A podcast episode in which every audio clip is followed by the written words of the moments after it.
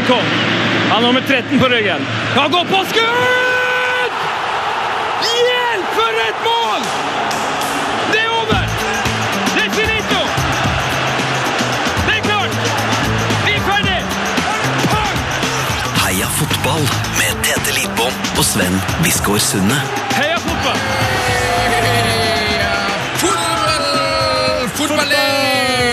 Fotballig! Heia Nei, vi gidder ikke ta Odd-sangene i dag.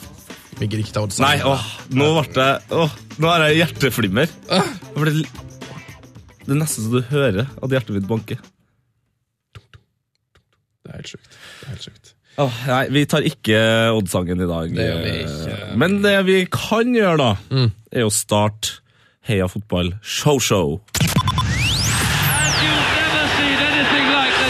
Heia fotball! Heia fotball, heia fotball, heia, heia fotball. heia fotball. Jeg gikk meg over Sjøland, da møtte jeg heia fotballmannen. Der føler jeg meg hjemme. Heia fotballandet, fotballandet, fotballandet Du, det er jo ikke den sangen vi pleier å åpne sendinga med, det?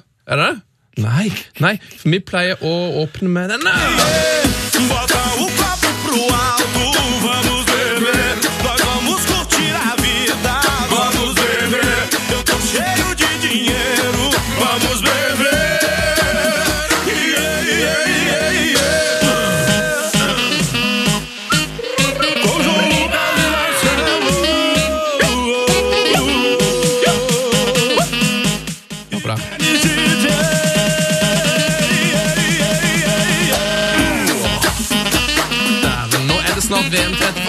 Herregud. VM, VM, VM, VM, VM, VM, det er under tre uker igjen. VM, VM, Det er under tre uker igjen. VM, Det VM, er så VM, VM, VM. sjukt. Det blir så sjukt. Eh, Skru av den låta nå. Det var faktisk overraskende Dennis- digg å høre den igjen. eh, for Hva at du det si har nå? vært- Ja. Ikke for meg. Jeg hører på han uh, nesten hver eneste dag. Det var Dennis DJ. uh, Kjære, Og Ronaldinho. kjære lytter.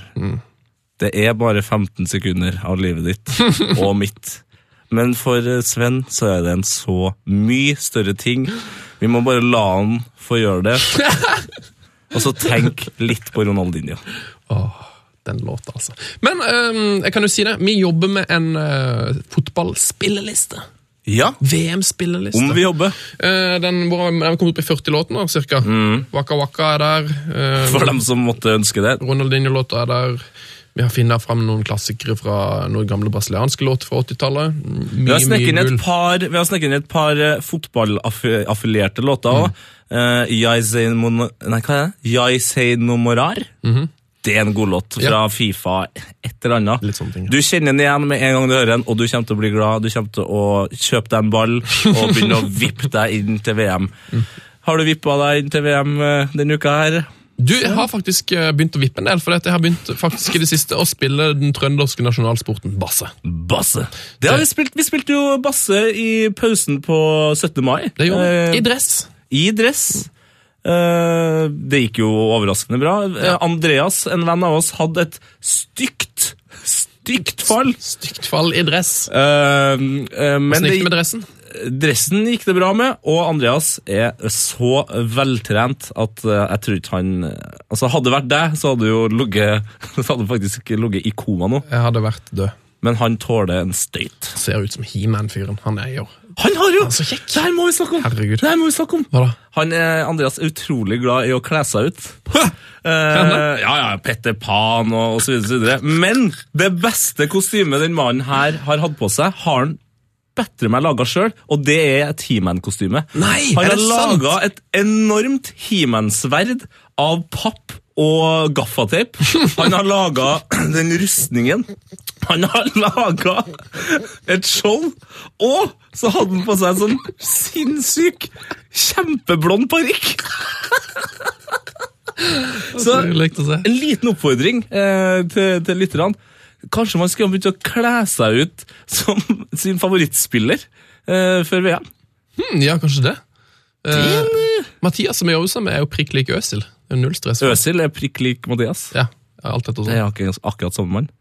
Eh, ja, gjør det! Gjør, ja, gjør Send det. bilde til P3 Heia Fotball eh, på Twitter, eller uh, send det på mail til oss på heiafotball.nrk. Det er. Mm, men eh, nå handler det plutselig om He-Man. Det er jo et fotballprogram, det her. Eh, gleder vi oss til lørdag? Lørdag. Oh, yes. Oh yes! Det gjør oh vi. yes, oh yes. Da er det Champions League-finale. Oh yes. Det blir så vilt. Jeg skal Og- se, Hvor mange kamper skal vi se? Tre. Vi skal se Rosenborg-Strømsgodset. Strømsgodset-Rosenborg. Mm, klokka seks. Sorry, sorry. 60. Eh, Og da har vi jo allerede fortært eh, en playoff-finale mellom QPR og Derby. Ja, Den blir altså, kampen eh, som eh, er verdt mest i hele verden. Ja. Altså det Man kan si hva man vil om championship, eh, og kvaliteten. Den er av og til lav. Men Nei, ikke lav. Jo, ikke Nei. lav, men jo, Men lav. ikke høy. Ikke lav, men ikke høy. Nei, men Tempoet er for høyt, derfor så blir kvaliteten lav. Men det er fordi de vil så gjerne opp i Premier League. Og nå, når det, alt det her skal presses inn i 90 minutter, eh, kanskje 120, på Wembley Ja. Så man ser for deg liksom det, Noen av de spillerne her spilte liksom utenfor ligasystemet for ett, to, tre år siden. Og nå står de Det er nesten 100 000 på tribunen. Du skal spille om over en milliard. ja, det blir en helt eller, Altså, som de sier i Danmark, det blir en pisse sinnssyk kamp. Nå fikk du, fri, frysninger! Ah, ja. Pisse sinnssykt, men. Ja. Du kommer ut av frysninger av den kampen mellom Real og Atletico. Det kommer til å bli crazy. Ja, altså Et, oh, ja. Oh, nei, ok. et eh, byderby, en helt liten, Yes. eh, Nei, nei. ubetydelig spansk Du, vi tar inn dagens gjest, eh, foreslår jeg. Nei! Ikke Nei. helt ennå. Før skal du slenge- gjesten skal inn, Ja, så skal vi snakke om en viktig ting som har skjedd i livet vårt. ja. Jeg og du har endelig fått frelse. Vi har fått kjøpt oss Panini-album. Panini. Hvor digg var det når vi endelig fant Panini-album, eh, Sven? 133% lykke. Men et lite skår i gleden.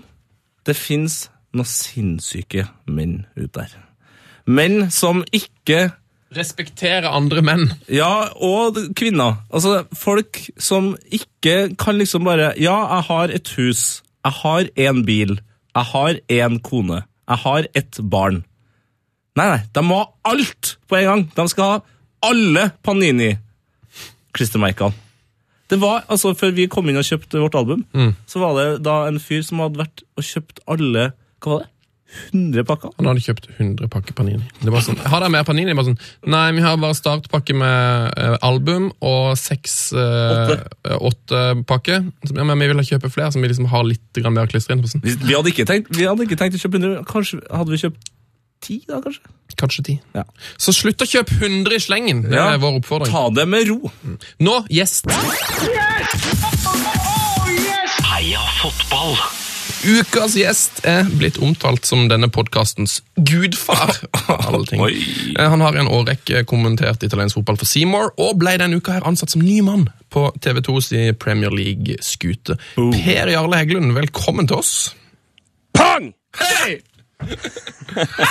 Hei. Heia fotball. Hei, gutter. Hei, Ja, heia, heia fotball. Hei, hei. Ja, men det går fint. Ble dere redd? Nei, jeg, var, jeg, jeg takla det så vidt. Jeg var nesten forberedt på det. Jeg tror Tete takla Ja. det bedre enn meg. Ja. Nei, men hei, gutter. Hyggelig, hyggelig å være her. Ja, Endelig, velkommen til oss. Ja, vær så god. Eh, vi har prøvd å få tak i det lenge, men du sa at du um, ikke kunne, for det var noe stort på gang. eh, og nå, Forrige uke så skjønte vi jo hva det var. Og det var stort. Ja, det var jo det at jeg skulle faktisk skifte jobb. For det hadde vært forrige uke så hadde det vært litt rart å bare prate om Serie A, og, ja, for at jeg visste jo at jeg skulle slutte i Seymour. Så nå har vi da eh, sluppet den berømte katta ut av sekken og vært som en verk verkebyll i flere måneder nå. Så nå, eh, på mandagen så så ble det jo da offentliggjort det som skal skje her nå. Ja, Hvor lenge har du vet, visst om at du skal begynne i TV 2? Før OL i Sotsji, altså. Oi. Ikke i Sydney. Ja, nå var jeg langt Nå var jeg på OL 94. Så det, Nei, det var før, før OL, eh, så jeg visste det ganske lenge. Og så har det vært eh, en sånn godt, godt lokk med hemmelighet så jeg lå oppå der, da. Det er som en, litt sånn som en ekte fotballovergang der. Er det? Litt som en ekte overgang, ja. Det er en del, lenge, eh, men Du, bare eh, en del parter å ta hensyn til, og ja. Nei, men det har vært, det har vært en fantastisk uke. Det har eh, over all forventning eh, eh, de tilbakemeldingene, både fra de som jeg nå forlater, som er da Serie A-fansen, og eh, den her engelske kontingenten som har tatt meg veldig godt imot. Jeg hadde ikke drømt at jeg skulle få høre fine ord. Eh, Jeg trodde det skulle bli ja, få kjeft og folk skulle være skeptiske, men det har vært veldig fint. Ja, Nydelig uke. har du fått mye kjeft opp igjennom for å være liksom også interessert i italiensk fotball? Det har nemlig jeg. Ja, det er jo den klassiske eh, hyperanglofile med at man ikke eh, kan godta noen annen fotball enn den engelske. Altså, jeg er jo sånn, Man liker jo både mora og dattera, ikke sant? Det ikke, være, det trenger ikke være svart eller hvitt. Man kan like fotball fra ulike plasser. ikke sant? Så Jeg har alltid likt både engelsk og italiensk fotball, så for meg har det ikke vært noe problem. Men eh, ja de har jo litt å gå på, mange av de som bare liker en liga. Ja, men jeg tenkte hvor mye man går glipp av. Med å bare like én liga, ja. Ja. Ja. Eh, Da hadde man ikke for eksempel kunnet opp til Segunda Leish eh, i Portugal, som vi har begynt å bli veldig glad i. Eller ikke Ekstra- ghanesisk. eks- eh, altså ekstra klasse i, Pol i Polen? Ja, ikke minst. Eh, Vi skal innom Ja, men det er jo, det er som at om du, om du bare skulle like ett band, ikke sant? det ville vært veldig kjedelig. Oh. Man må jo like alt fra Dimmy Borger til eh, Kylie Minogue, så blir det god stemning. Det her er en fyr etter min smak. Eh, Jeg reagerer jo litt på at du eh, tar overgangen før VM, Per og Det er jo, altså, De fleste spillere venter jo til etter VM for å øke sin egen eh, markedsverdi i løpet av VM. Kan du forklare litt om, om, om Nei, men hvorfor ta- du gjorde det før VM? Tar en Podolske der, så får vi alt på plass, og så finner vi roen, og så får vi senka skuldrene. Og... Nei, men det skal vi faktisk jobbe med VM også, uh, i et lite hjørne, uh, så det Så Sånn sett var det, jo, var det jo lurt ja, Ja, å bytte før. og det er litt sånn, Ja. Nå har han jo på en måte gått til uh, Fotball-Norges ja, skal vi si Real Madrid, da? Eller eh, Barcelona? Altså, det, det blir jo ikke noe Hvor skal man gå etter eh, TV 2? det, det, ja, det er litt vemodig nå, for at nå, etter, nå, etter det her så kan det bare gå til helvete. Det, Du, men det er, ikke, Så- er, det, er, det, er det så mange italienere som har lykkes i England, egentlig?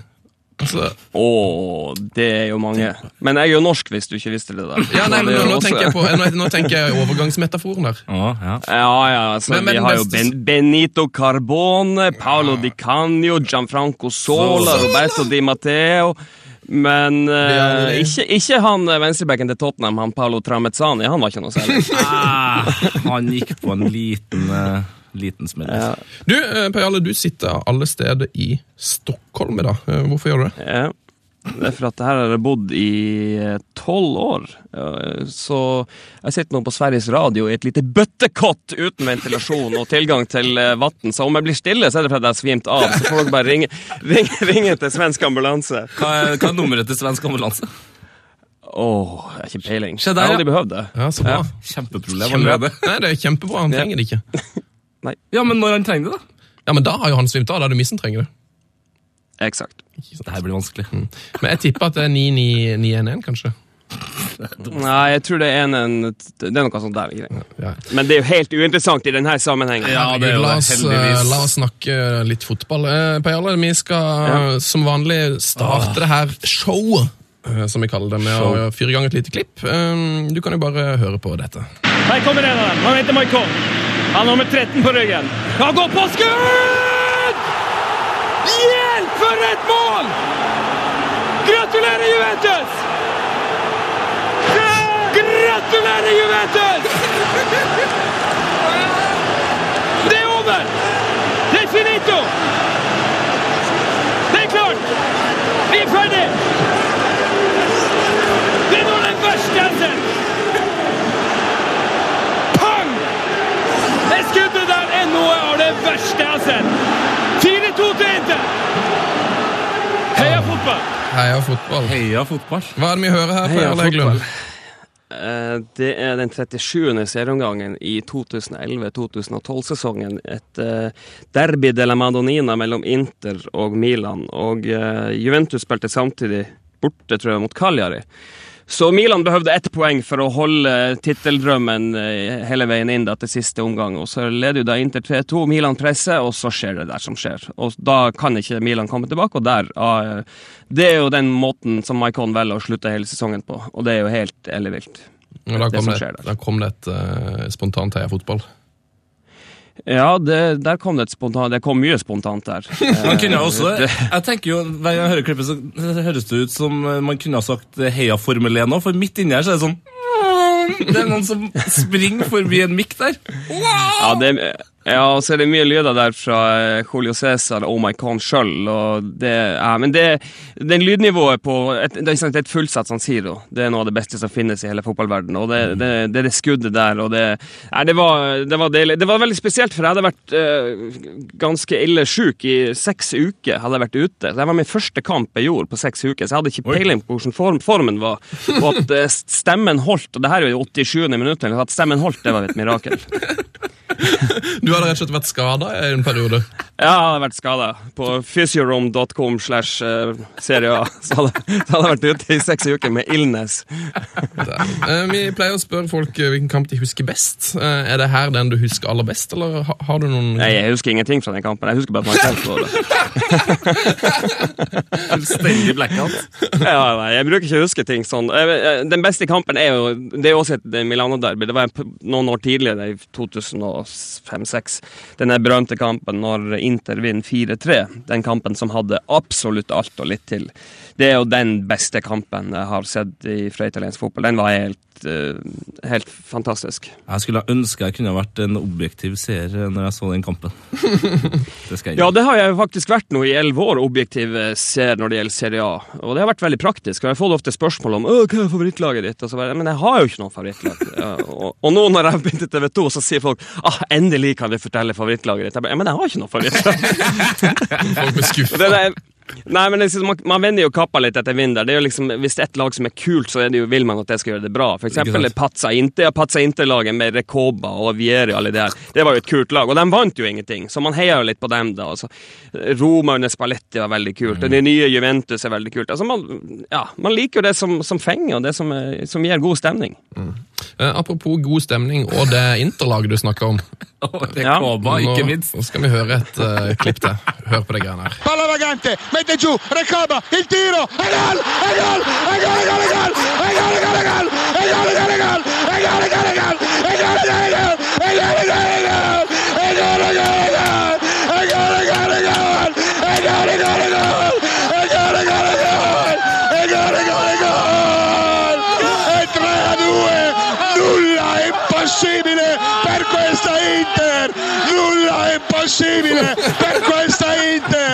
Nulla è impossibile per questa Inter! Cino gol! 3 a 2! Spettacolo al Meazza! Fantastisk. Ah. Det var en, Ja, den, den, den, er med på er bra. Den er bra. det er en uh... Det er Roberto Scarpini. Oh. som kommenterer. Ja, han heter Roberto Scarpini. Det er jo sånn at De fleste klubbene har jo en egen sånn radiokommentator. Det er jo ikke for TV, da. Det her er jo en sånn slags radiokommentator. Ja.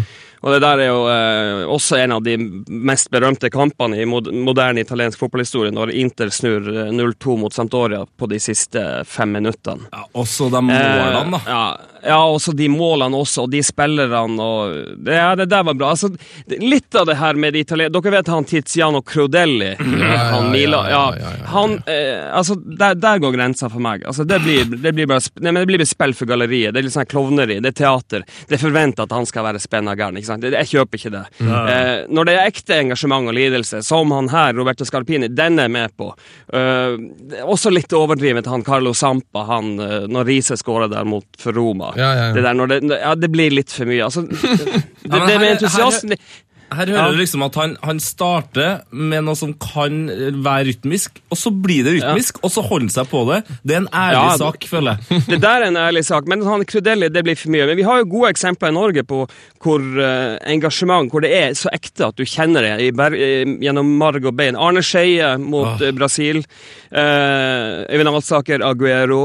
Eh, også et eh, veldig ferskt eksempel da, med Petter Wæland med eh, fletten og veggen og alt det her. Så vi har veldig gode eksempler i Norge på det. her. Men uh, Crudelli og de guttene der, nei, det blir for mye. Det, det er klovneri. Eh, Grunnen til at jeg spilte det klippet, her, det er at um, du har jo fulgt italiensk fotball i er det 11 år. Ja, jeg har jo følt det lenger enn det, da, men Ja, jeg har jobba med det i elleve år. 11 år. Jeg, bare tenkte Vi må snakke litt om det der eh, engasjementet. For det, det virker som liksom sånn at i, i, i Italia så er liksom fotball noe, eh, noe helt spesielt. da. Eh, Stemmer det inntrykket? Ja, altså I Italia så er det tre ting som betyr noe. Det er kirka, og det er fotballen, og det er familien. Ferdig med det. Det er ingenting annet som betyr noe spesielt. Det er de tre tingene. Så, um, altså, for eksempel Gazzetto della Sport har jo enorme oppslag, og alle er interessert i fotball, og alle er, har et lag. Så det, det er veldig spesielt i Italia. Uh, absolutt. Men, men hva, hva er liksom eh, Det er jo så stort der, men eh, for eksempel eh, Det er ikke noe, alltid så mye folk på tribunen. Altså, er det noen spesiell grunn til det? Har folk andre vaner? Skal de se kamp på pub, eller må de se den med familien, eller er det for skummelt å gå på kamp? Ja, det der er jo det evige spørsmålet, og det er det store problemet til italiensk fotball. Eh, det er jo det at uh, alle arenaene stort sett er fra VM i 1990. Det er betongkolosser, det er dinosaurer fra ei svunnen tid, og, som ikke har noen ting i 2014 å gjøre.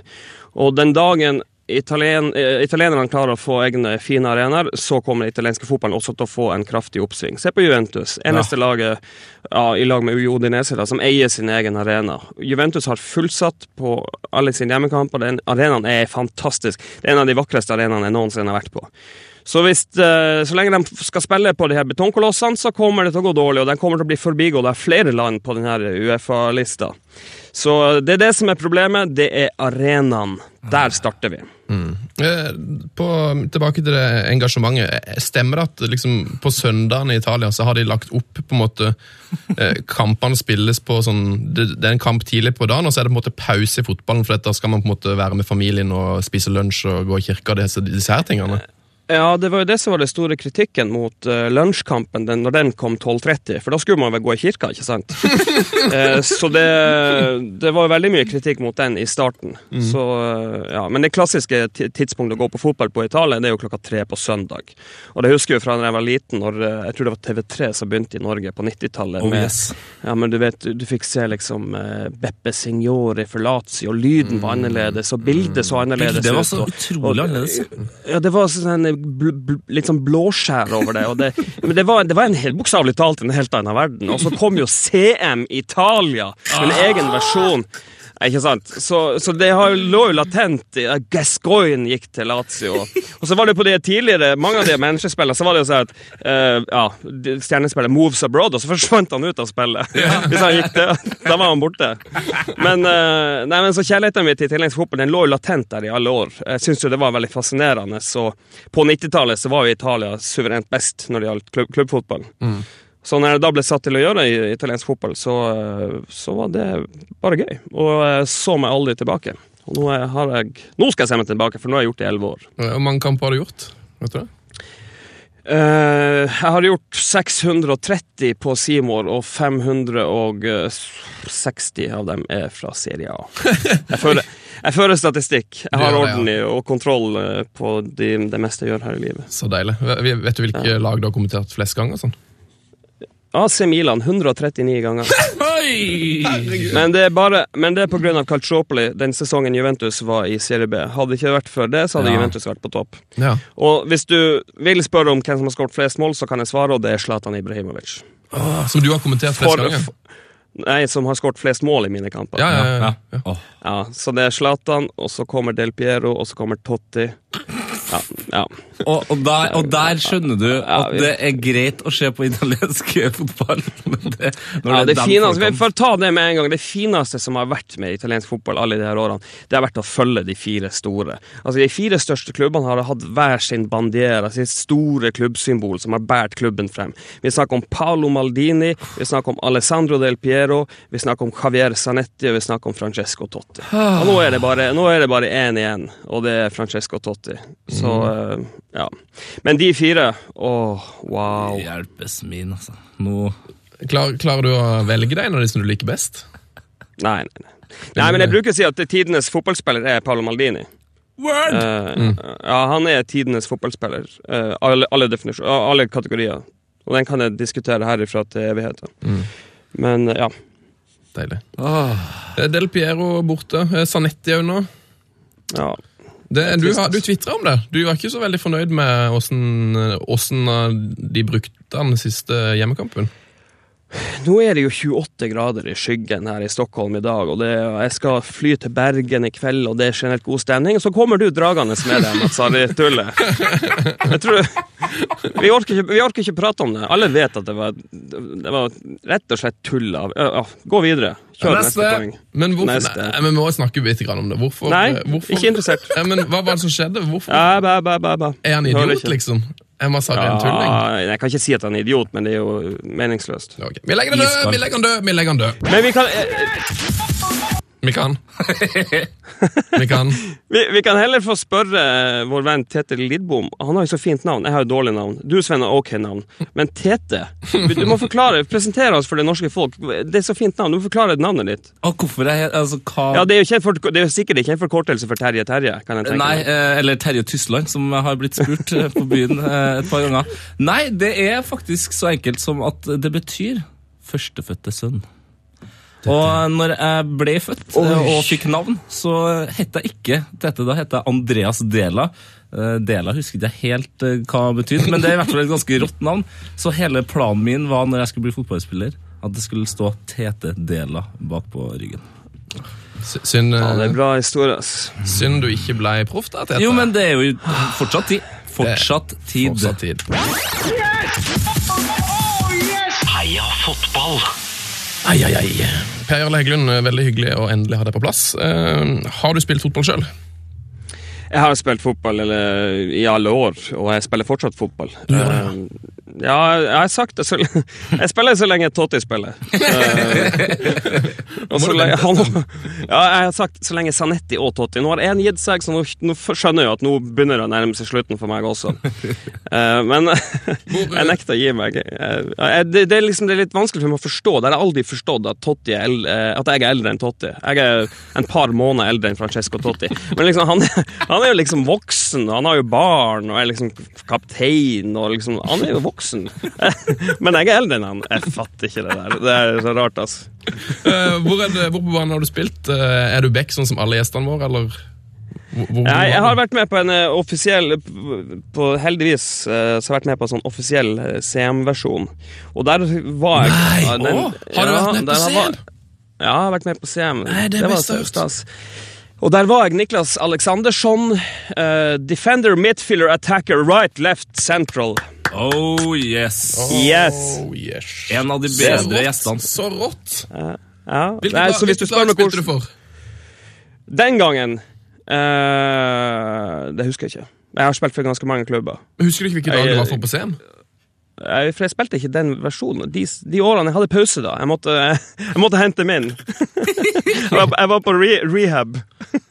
CM Rehab, ja. Jeg spiller ikke nå heller. Jeg må jeg kan, jeg. Nei, jeg, har, jeg har slutta. Altså, det, det Nei, jeg tør ikke. Jeg tør ikke. Jeg måtte jo anmelde, jeg måtte jo anmelde, FM i fjor for Filmpolitiet. Mått! Du spurte om du kunne. Ja, men jeg Men jeg, jeg, altså, om jeg skal det. spille, så er det CM0102, selvfølgelig. Ja, ja, ja, ja, ja, ja, ja, ja, ja. Men eh, nei, jeg var innom det i to-tre dager.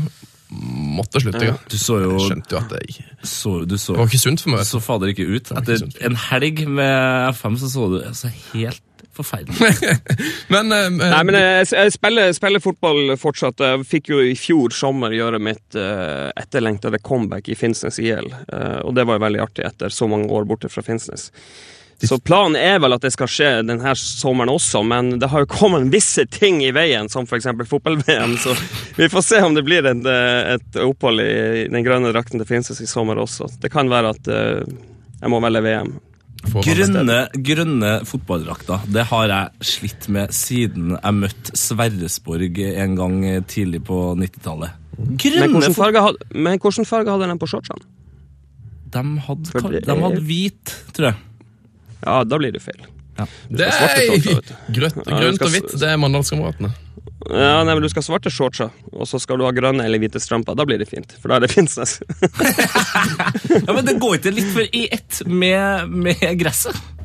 Nei, det er kunstgress nå. Det er annet, er lys. Det er ikke det samme lenger. Nei, det er sant. Det, er sant. det var et det er stort sand, det er sand, ja, men det er sand i kunstgress, ellers er det de svarte gummikulene. Så det blir ikke det samme lenger. Eh, skal, vi, mm, skal vi kanskje ta sende en mail til Per Jarle Heggelund? Jeg tror vi skal gjøre det. Uh, Vi skal sende en mail, ja. ja, eh, Per Jarle Heggelund, uh, vi har en greie her i Heia Fotball. Eh, Og det at vi Det lager en det har jeg forstått. Ja, lager, er- det her er jeg nervøs for. Det her er nok en av de mer ekstreme trynemiksene Huff. vi har laga. vi lager Trynemix. Eh, Hvem er det vi har hatt før til? Vi har hatt Joe Hart Børrestad, som var Joe Hart og din, din tidligere kollega Jon Hartvig Børrestad. Perle. Hvem andre har vi hatt? Gunhild Tollnesta. Gunhild Tollnestad. Eh, I dag eh, har du med deg e-post, Perle. Jeg har eh, Jeg liker ikke å være oppkobla, men jeg er oppkobla akkurat nå. Du Jeg kobler liker ikke, jeg liker ikke moderne verden. Jeg liker ikke, jeg er født på feil, feil, feil år. Jeg, mener, altså, jeg må hele tiden være kobla opp, og det hele tida liksom telefon og det. Nei, men jeg, jeg er født på feil tid. Jeg skulle vært, levd på 50-tallet. Det hadde vært fint for meg. Alle, alle spilte fotball med fine, lange shortser og hadde svarte sko. Og, Oh. det, det er ikke noe for meg, det her 2014-kjøret. Brukt, brukt 20 minutter på, på å ringe Nei, til men jeg Å hjelpe meg! Hva er det som skjer på mailen min? Der, ja! Nå har du fått åpna den. Eh, Det som Per Jarle ser på nå, det kan du som hører på òg se på. Eh, Da kan du gå inn på P3 Heia Fotball på Instagram eller P3 Heia Fotball på Twitter, og der finner du et bilde av Per Jarle Hegge Jungberg.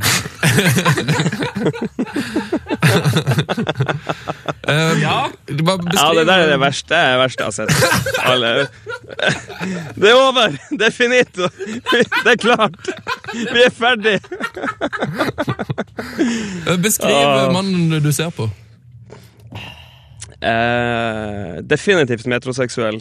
Uh, definitivt. Han, uh, Han ligner litt på kortklipt Beckham. Ja, jeg, tenkte først Beckham, men jeg forstår jo at det har noe med vår kjære svenske, supersvenske å gjøre. Ja, ja, ja. Nei, men det der får man vel by på. ja Eh, så bra. det er hyggelig. Jeg har alltid, alltid lurt på hvordan jeg skal se ut med tatovering. Ja, du har fått uh, Jungbergs tatovering på magen, og så har du fått Ja, og så har jeg fått denne panten, heia fotball på hjertet der. Jeg har fått her fotball på hjertet. Jeg ser litt yngre ut da, eh, enn hva jeg gjør vanligvis. Nei, men Du ser sånn ut. Det er ditt fjes på Jungberg sin nesten helt nakne kropp. Ja. Nei, One, men for the eh, lady. One for the ladies here. One for the ladies. Blir det dette her plakat hjemme, på, hjemme i huset i Stockholm? Nei. Nei. Den er grei. Den er grei. Jepp, den er god. P3s Heia fotball. Oh, yes. Heia fotball er programmet. Du kan nå oss på e-post hvis du har noe på hjertet. Det kommer inn veldig mye fine brev for tida. Nå er det Ja, det er faktisk så mye fine at jeg allerede kan tease at det har, det har kommet en ny spalte. Det er helt sant. Eh, Har du altså noe på hjertet, send oss gjerne en e-post. Eh, Heiafotball,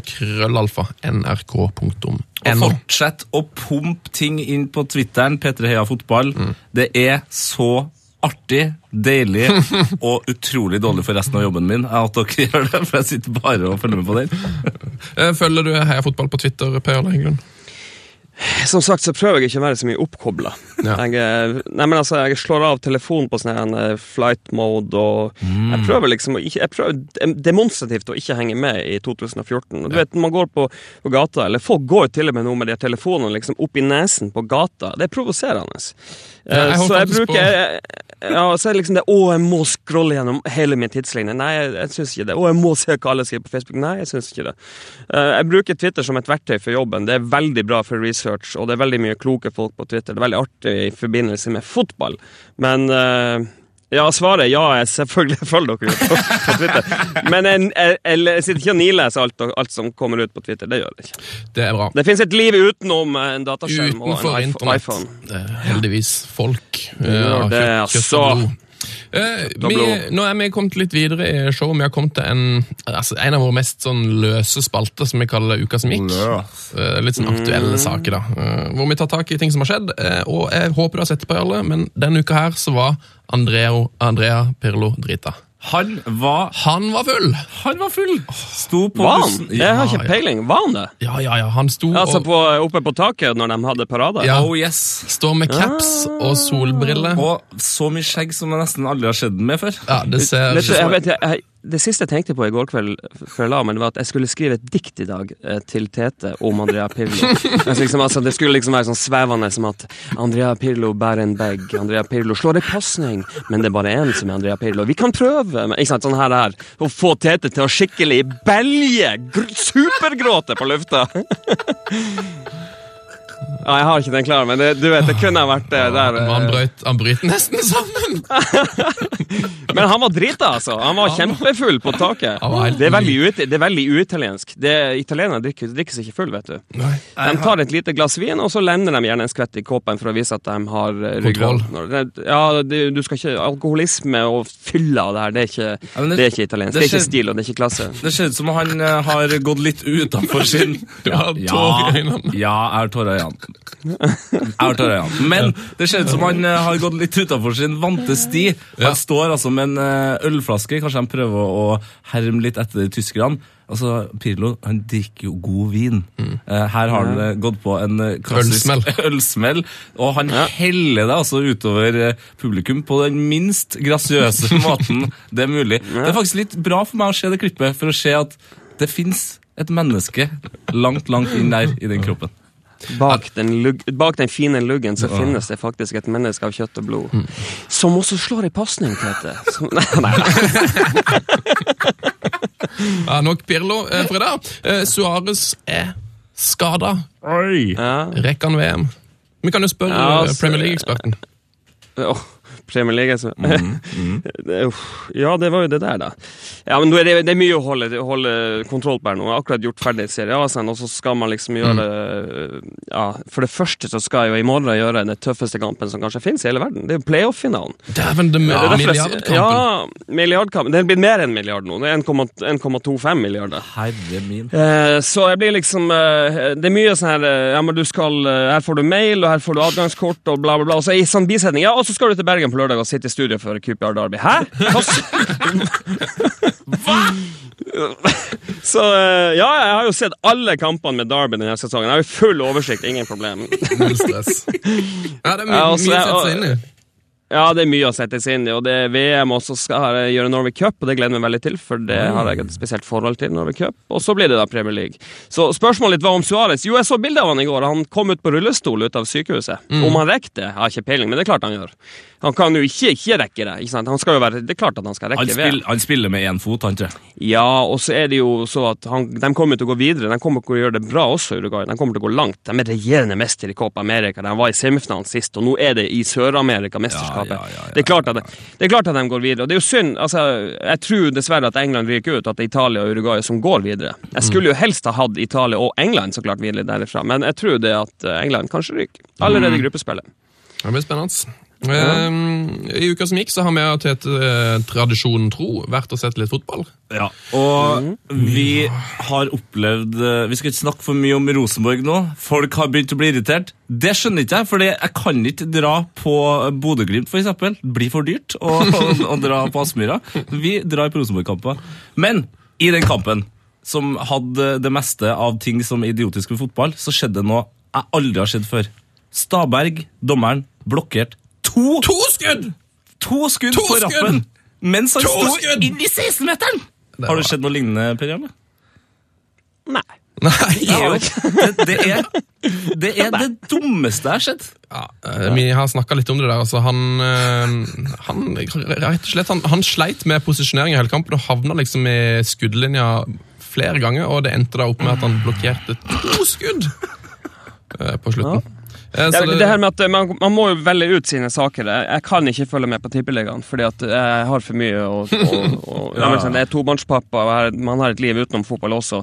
Når eh, min gode venn Simen Stanse Møller gikk til Tromsø, så fikk jeg en nytenning. Da måtte jeg følge med på Tippeligaen. Mm. Men så forsvant han, og da forsvant også min interesse. Så i, med norsk fotball så er det stort sett andredivisjon avdeling fire som, som er på, på grunn av, Ja, på grunn av Finnsnes. Finnsnes, ja. Ja, Men så jeg skal heller ikke ja, Nei, Tromsø Hva skal jeg bry meg om dem for? Det er jo, det er jo vår gamle rival fra Finnsnes-tida. Det er jo Ja. Ja, altså, du, men er det sånn at du misliker Tromsø, da? Nei, jeg misliker dem ikke, men jeg, jeg, det, det er ikke noe sånn at jeg gråter at de rykker ned, eller jeg klapper høflig hvis de vinner cupen. Altså, det er jo litt sånn geografisk eh, stolthet er det jo, men jeg har spilt for mange ganger mot Tromsø til at man skal liksom elske dem. Det, har, man skal, det, det er en flamme inni meg som, som ikke liker Tromsø, liksom, rent fotballmessig. Så det, det, det er litt der det går på.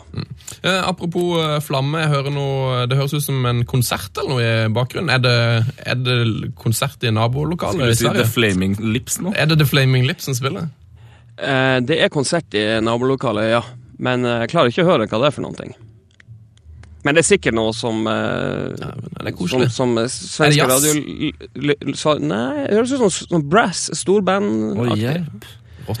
Men det er sikkert noe som eh, svenske radiolyttere liker, kan jeg tenke meg, i og med at vi er her på Sveriges Radio. Ja, garantert. Eh, Men nå får vi jo litt musikk her på podden. Det er jo ganske hyggelig, for det er jo faktisk ikke lov med musikk. eh, Eller ikke lov med så mye musikk Nei. på podkastet av det. Kan kanskje, hvorfor er det det sånt heter?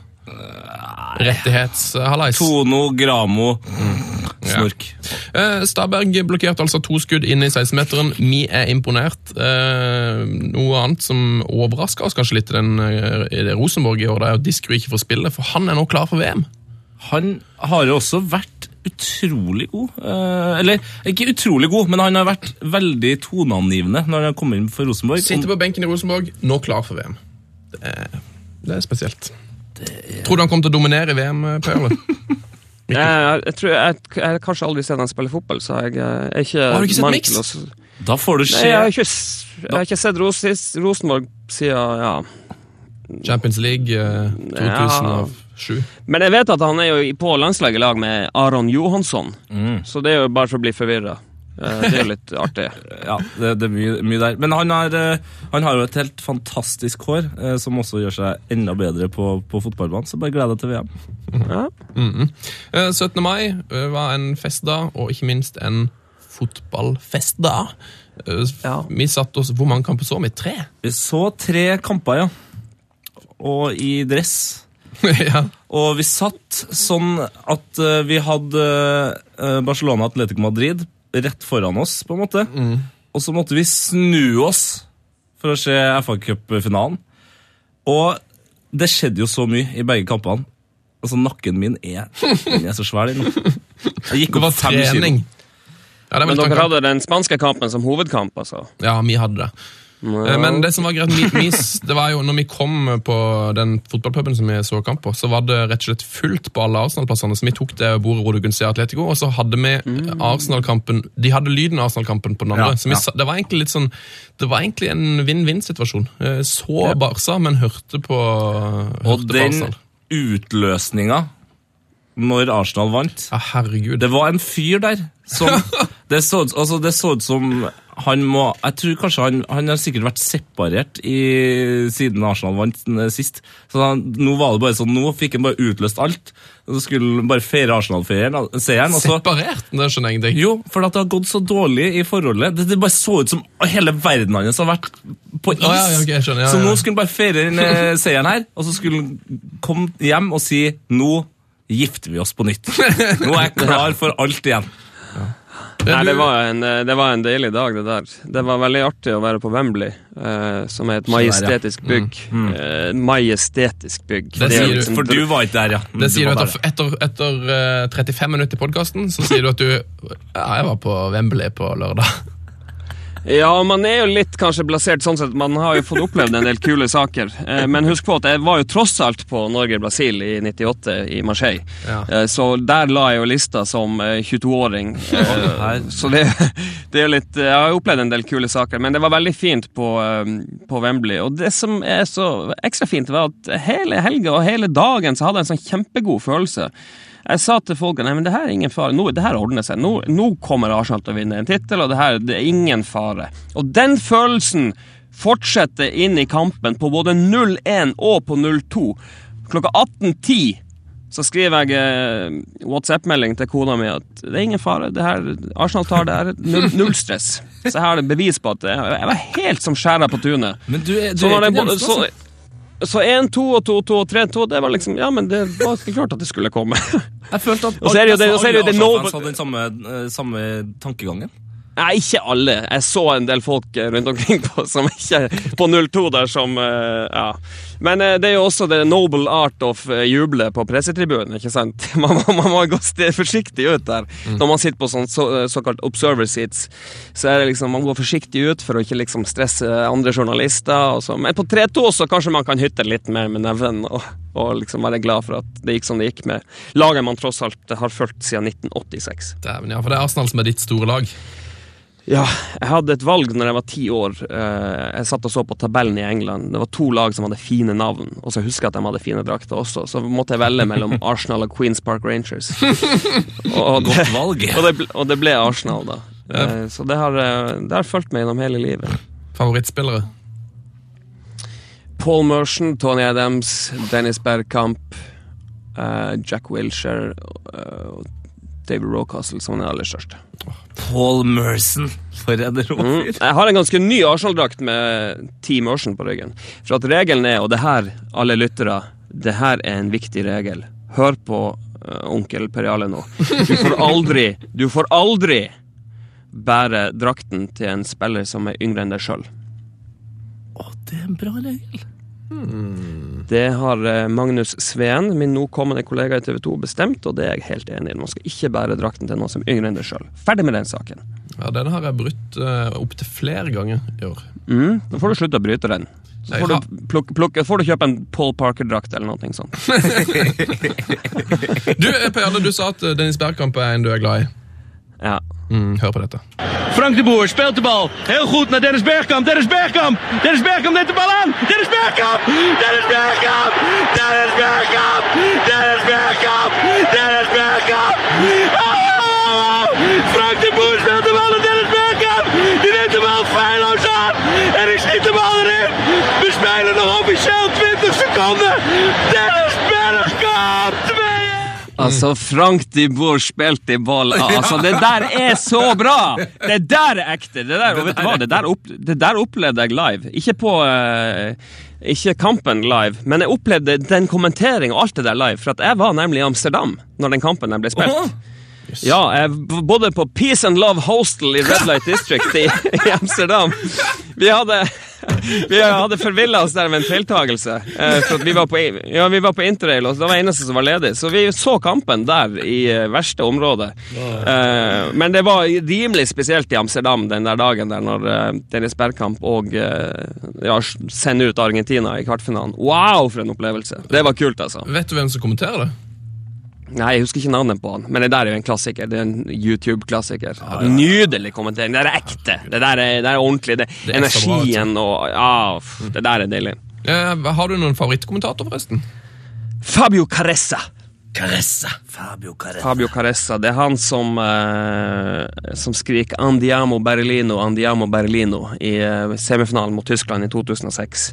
Han er hovedkommentatoren til Sky, eh, Sky i Italia. Eh, du kan tenke, Når du er den største kommentatoren i et land som Italia, som har en, rundt 60 millioner innbyggere, da fatter du for en superstjerne du er. Han har egne livvakter, og som, som bijobb så gjør han eh, 'Vil du bli millionær' på italiensk, som er veldig stort der nede. Jeg har vært så heldig at jeg får møtt han, både i forbindelse med at man har møtt han på pressetribunen, men jeg har også hatt en sånn time sitter han med han, hvor jeg intervjuet han i forbindelse med en reportasje som jeg gjorde nede i Italia.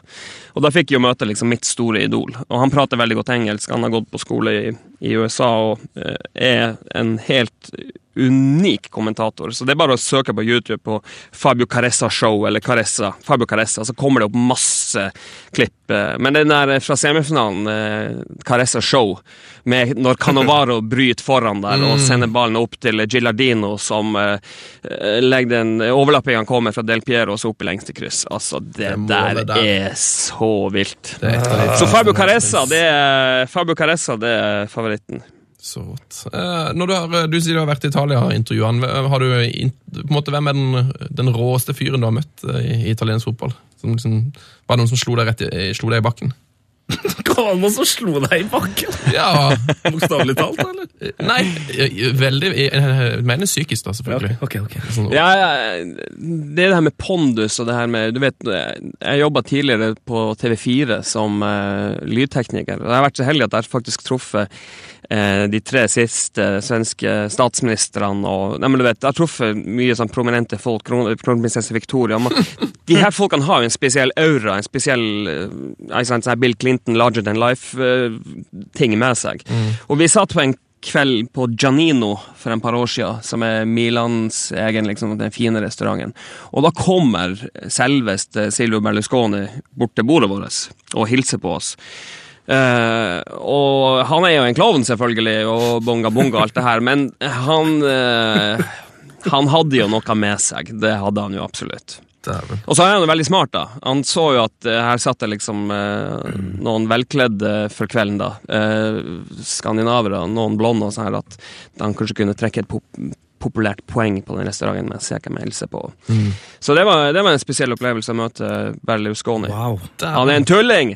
Ops, han er en tulling, men eh, han har også det larger than life-greia med seg. Ja, han må ha noe helt spesielt. Det må, være, ja, det må være rart, uansett hvor stor tulling man er, når man er så svær som han, som, og, og bare Ja. plutselig stå der foran en, må være Herregud. Det var sjukt. Eh, apropos eh, store navn.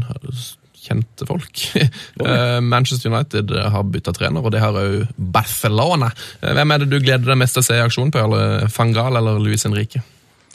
Absolutt Manchester United, helt klart. Jeg tror det kan bli veldig interessant, uh, det her med De har jo allerede kommet ut med en ting journalister bør og ikke skal gjøre når man skal intervjue Louis van Gaal. Og i forbindelse med min nye jobb i TV 2, så eh, skal jeg jo eh, da også mest sannsynlig og da kanskje gå ned i katakombene og intervjue spillere og trenere. Og jeg må innrømme at det er litt sånn uh, Jeg må bygge opp litt uh, selvtillit og psyke før jeg eventuelt skal møte Louis van Gaal, for at han kan jo virkelig trylle med det, Han er sånn som Mourinho. Mourinho hadde jo en fin en mot Kasper Wikestad. Eh, og så dem, eh, Ja, det skal bli interessant. Men fotballmessig absolutt Manchester United. Nå, skal, nå kommer jo the, the rise of Manchester United med Louis van Gaal, og så skal de sikkert handle masse gode spillere nå i sommer, så det skal bli, Det det skal bli kult. utrolig viktig å få inn en fyr som liksom Det, det står jo i nyhetene hele tida nå at han liksom han, han er en diktator, jeg var redd den, alt sånt der. Det, Alle de tingene Moyes ikke var, for å si det sånn. Ja, det er, det er et veldig, veldig fornuftig valg. Eh, og av de som var tilgjengelige nå, så er det jo så var det vel egentlig bare han. Så det, nei, det blir, Jeg tror United-fansen gleder seg veldig over det her. Eh, en slags utenlandsk uh, Ferguson, kanskje. Ja. Kanskje. Uh, David Moyes hadde jo for øvrig ganske dårlig uke. Havna i et slagsmål på en vinbar. Nei, nei. Du fikk, med, det, fikk du med deg dette, på Jarle? Nei, det har vært så mye å gjøre. Jeg var- får ikke med meg alt. Jeg ser bare for meg at liksom Han får så mye tyn at han har rett og slett til slutt bare sånn Nå, nå holder det. Og så har det blitt Fader, altså. Det, er- det er Litt, litt som den der Steven Gerrard og han DJ-en som- Som ikke ville spille Genesis! ja. Phil Collins og Genesis. ja. Ja, det er klart at det kan jo tilte over Det kan jo tilte over for uh, hver og en, hvis det bare er, er nok. Hvilket, eh, hvilket band eh, er det som DJ måtte nekte å spille for at Per Jarle Heggelund skulle tatt en Gerard? Altså det som, Hvis han måtte nekte altså Still spørsmål på nytt, for jeg forstår, jeg kan ikke gå der. Uh. Hvis, uh, altså Hvilken artist er det som må til for at du skulle klikka som Gerard på en DJ? Hvilken låt, hvilken artist var det du hadde? ja, altså Hvis han hadde satt på det The Police, så hadde jeg klikka, for det, da hadde jeg fått eh, angst i ørene. Nei, jeg tenker, nei, jeg Altså, tenker motsatt vei. Hvilket band Ja, men nå har jeg sagt det også. Men nå, har, du- nå vet du det også. Aldri Ja. spill Roxa- Roxanne for meg, for da, får, da springer jeg ut av rommet. Nei, nei, nei, nei, slutt nå. Men nei, altså, det han prøver å stille her, eh, som jeg skal stille Ja, jeg har forstått, jeg har forstått spørsmålet. enk- altså, Ja, nei, jeg veldig, nei, jeg har forstått spørsmålet. Du får, får ikke kødde med a-ha, for eksempel. Nei. Ikke Nei, er ikke bra a-ha. De er mye større enn hva folk eh, egentlig tror. Aha. aha. Sven. Nei. Nei, nei. Nei, ikke kødd med det. Du, um, da tror jeg kanskje vi skal stikke videre. Uh, eller det Jo, det skal vi. Vi skal. Hvor vi skal, Ja, hvor vi, hvor vi skal henne? Skal vi til Levanger? Nei, vi skal ta en jingle. Her kommer han. P3s Heia fotball med Tete Lidbom og Sven Biskår Sunde. Oh, yes. Um, nå sa jeg jingle, det står i alle radio- og lærebøker, det skal man ikke si. Man skal ikke bruke sånne interne interne faguttrykk som jingle. Vi Har heldigvis en podkast. Vi kan gjøre hva vi vil. Vi I stad var det en jingle. I det var en du, et, et, dere som er sånn radiotryner, Ja. et spørsmål. Takk for det. Jeg, har, jeg bruker alltid å leke eller når vi kjører bil, eksempel, og sånne, øh, sønnene mine i baksetet, så later jeg som at jeg er liksom som jobber på radio. Og så prater jeg, prater jeg lenge nok til at akkurat når vokalen begynner i låten, så er jeg ferdig å prate. ikke sant? Har dere ei klokke som dere ser på, så dere vet at Eller er det, går, det går ikke an at alle vet når han skal begynne å synge i alle låtene? Du har Svar på det klokke. spørsmålet. Du har ei klokke. Det er ei klokke! Ja, det er Men det- faktisk Ja, det er Skal jeg klokke, forklare altså. NRK Nei, du trenger ikke Nå er jeg skuffa. Altså, det var ei Nei, men klokke. altså. det er både og der. fordi Illusjon som brast. Ta for eksempel Peter P3 Morgen-Ronny. da. Han hadde ikke trengt en klokke. Jeg tror ikke han nødvendigvis ser på en klokke. Eller. Noen bare kan alle introer og outroer, og er Ja. sykt god på å snakke over det. Så Det er. Men- men- noen er veldig god på det. Jeg har alltid drømt om å, jeg har alltid drømt om å jobbe i radio. Men, jeg, jeg, Nå tror det gjør er du kult. det. Jeg tror det, jeg, ja, ja, det er jo gjest, men eh, ja. Du Radio jobber, er jo, kult, men du altså. jobber jo i radio med bilde, Ja. kan du si. Men eh, altså, det fins en egen fyr i NRK som sitter, og mark som sitter og hører gjennom alle sangene som vi skal spille på listene, og markerer hvor lang introtid det er på. Så står det et lite tall. hva er stillinga hans? Han er arkivar. Vokal, Vokalintromarkør. Nei, han er arkivar, som det heter. Han driver på å legge inn all musikk. Kjartan, du Ja, gjør en topp toppjobb. Mm. Og Kjartan han kommer sikkert til å være innom den sendinga her òg. Så ser han det, så står det i hans sin arkiv så står det 'Gjest Per Jarle Heggelund'. Heia fotball. eh, 23. mai. Ja. Så- Skal vi snakke om fotball? Du, vi snakker om fotball. Eh, Tete, du har en ny spalte, og den heter Shit, det her rakk vi ikke. Ganske kul spalte. Ja, altså Vi rakk ikke å snakke om at Yaya Touré vil bort fra City, for at han glemte bursdagen hans. Nei, det rakk vi ikke. The Greater Manchester Police continue their search for Yaya Torres' birthday card in the Stockport area of Greater Manchester. Åh, er det mulig? Vi rakk ikke å snakke om at Martin Ødegaard ble tidenes eh, yngste målskårer i Tippeligaen. Nei, rakk vi ikke det? Han, han der han har jeg hørt om. Han skal bli god, har jeg forstått. Han skal det er artig. Svingod. Ja. Noen som sier det. Og vi rakk heller ikke å snakke om at eh, CR7 var helt naken på forsida av Vogue. Det var synd. Det så jeg også. Ja, kjekk mann. Ja da, jeg liker det. Etter, etter den der Kalma-feiringa Ja. Så du vet hva jeg tenker på. Etter, da snudde det for meg. når det gjelder det, For det var kult. Når han eh, tok den der og så bare Kalman, det her fikser vi. Ja. Det, det, ah, det, da ble han liksom inn i Zlatan-banen, og da, det, da, det var kult. Eh, Så da- kjapt, kjapt, kjapt, kjapt. Messi eller Ronaldo? Ronaldo alle dager i uka. P3s Heia fotball. Du, Tetefar, jeg syns at din nye spalte Shit, rakk meg ikke. Det var, kjempe, det var en kjempesuksess. Jeg gir den terningkast Jeg syns den er bra, for da tar vi bare kjapt sånn. Men det her Ja. rakk vi ikke prate om, men det er viktig at vi har nevnt det. Ja, helt jeg, jeg, jeg syns Tete er helt på ball her. Takk! Eh, Vi ser litt framover òg, bare kjapt, kjapt, kjapt. kjapt. Eh, Opprykksfinale på lørdag. Eh, Gods RBK. Det er Champions League-finale på lørdag. Det er altså en så sinnssyk dag med fotball. Eh, Får du, du får sett CL-finalen, eller, Per Jarle? Den skal jeg se i Bergen, eh, som jeg har forstått det. Eh, for jeg drar jo til Bergen i dag, og så skal jeg jobbe med finalen. eh, Derby Queens Park Rangers. Og så skal vi se Champions League-finalen på kvelden. Så det blir jo en eh, fin lørdag. Så da er du ute og ser Champions League-finalen med din nye kollega? Med mine nye kollegaer Så i eh, TV. Nå har de, nå har de eh, klippa navlestrengen også fra sida for nå har de tatt vekk min mail. Nå kommer jeg ikke inn på min gamle mail, så nå er jeg liksom Nå må jeg, nå må jeg fly ut Nå har de kasta meg ut av eh, reiret, nå må jeg lære meg å fly sjøl. Så det er litt, eh, litt vemodig og litt spennende, og veldig artig. Uh, vi fyrer i gang en enda ny spalte med nå. Lytternes mail, lytternes mail. Lytternes mail. Det kommer til å være en ny sang hver gang, men Nei. du verden så mye fine mail vi får. Vi får så mye fine mail. Altså, Per Jarle, vi har det vil jeg nesten si, jeg tror vi har de feteste lytterne i hele Norge. Ja, det eneste jeg tenker på av og til når jeg får de mailene, for at de, de er såpass detaljrike om små ting, at de er de fineste lytterne, men også de rareste lytterne. Jo da, jo da. Eh, vi har fått en dritrå mail eh, på eh, heiafotballkrøllalfa.nrk.no fra Petter Sagafoss. Han skriver Hei, jeg er en semiflittig heiafotballytter, til den grad at jeg har fått med meg at dere titt og ofte etterlyser regelendringer i fotballsporten. Jeg har nemlig et forslag. Eh, Forslaget er som følger. Hva med å fjerne et lag fra VM, for så å erstatte det med et lag bestående av de aller beste spillerne fra nasjoner som ikke er kvalifisert? Det er Altså- mange gode aspekter ved en slik regelendring. Ja, ok, forlåt. eh, Unnskyld meninga.